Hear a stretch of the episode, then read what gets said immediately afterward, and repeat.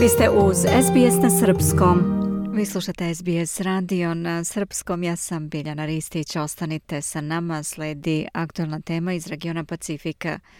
Tenzije između Kine i Sjedinjenih država i povlačenje pacifičke ostarske države Kiribati zasenili su forum lidera pacifičkih ostrava i zemalja koji su u ponedeljak počeli da stižu na Fiji, gde se prvi put za tri godine sastaju lično one putem videolinka.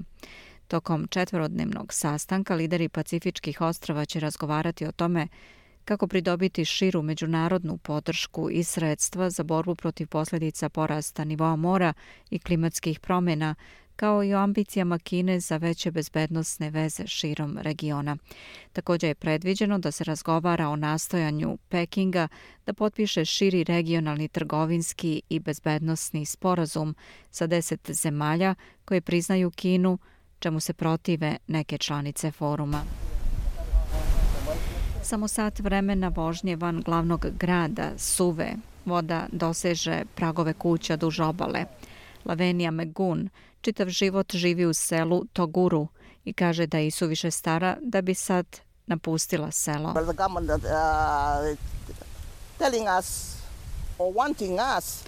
Vlada želi da se relociramo, a ja im kažem da to nije moguće u ovim godinama. Ja sam suviše stara da počinjem iz početka, kaže ona.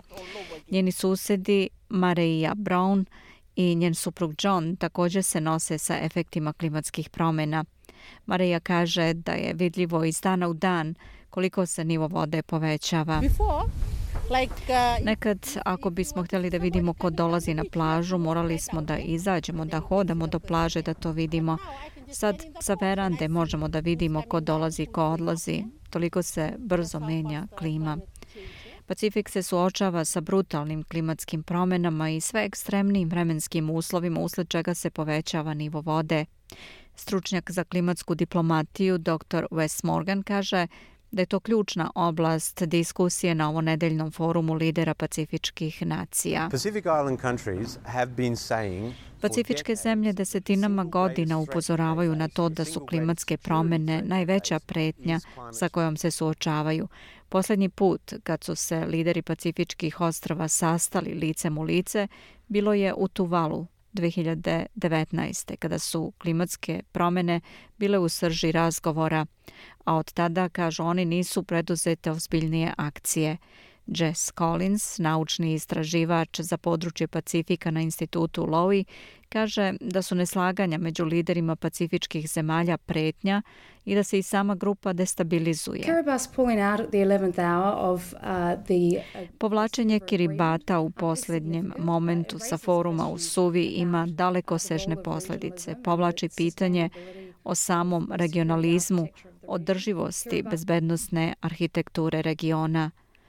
Nekoliko zemalja Mikronezije je insistirao da sporazum i za suve omogući trenutnom generalnom sekretaru Henry Puni da ostane predsjedavajući foruma i da onda tu odgovornost prebaci na lidere Mikronezije, ali Kiribati nisu učestvovali u tom dogovoru.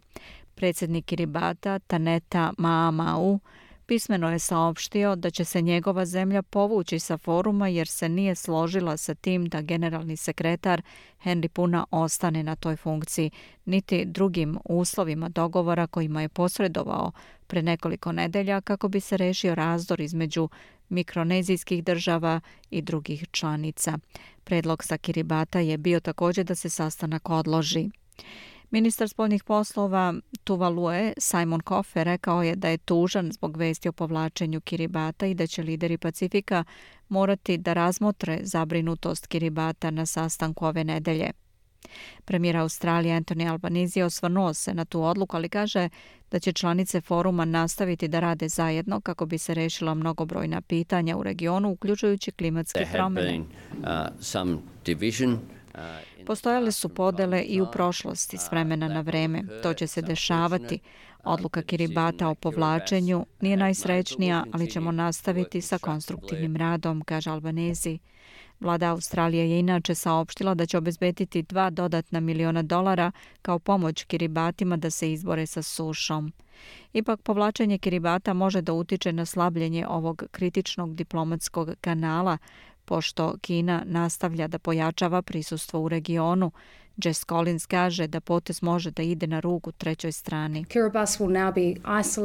Kiribati će sada biti izolovani iz bezbednostne arhitekture, a beneficije će imati Kina i to će naravno pojačati njenu ulogu u ovom procesu, kaže ona. Umeđu vremenu Kina je saopštila da je Australija koren problema diplomatskih tenzija između dve nacije. Peking je izdao listu sa četiri tačke delovanja kako bi se odnosi između dve zemlje vratili na normalu.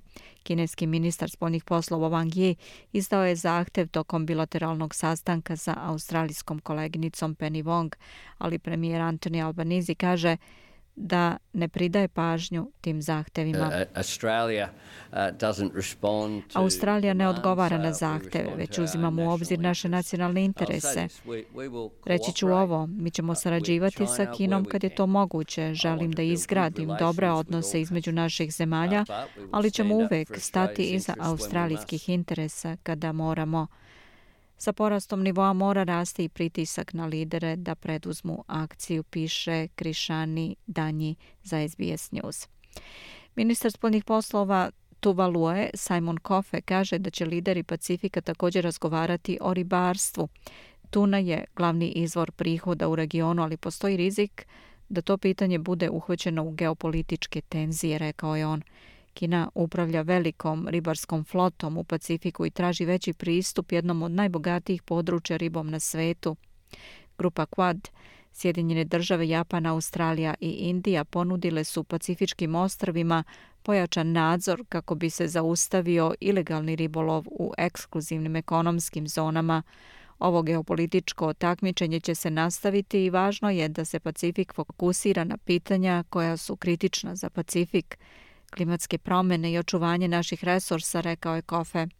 Sjedinjene države žele da prošire sporazum o ribarstvu u Pacifiku kako bi pokrile druga bezbednostna pitanja, rekao je on, i o tome će se razgovarati na forumu.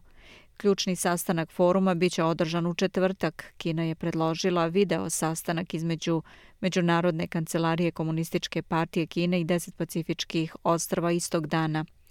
Tuvalu je među četiri pacifičke zemlje koje imaju diplomatske veze sa Tajvanom, a ne sa Pekingom.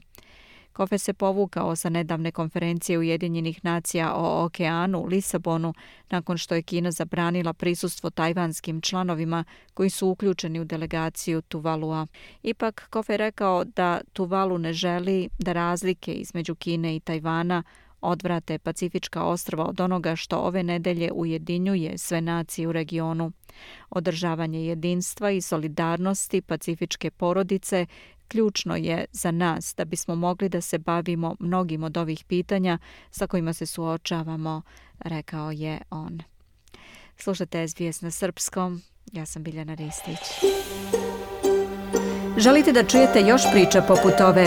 Slušajte nas na Apple Podcast, Google Podcast, Spotify ili odakle god slušate podcast.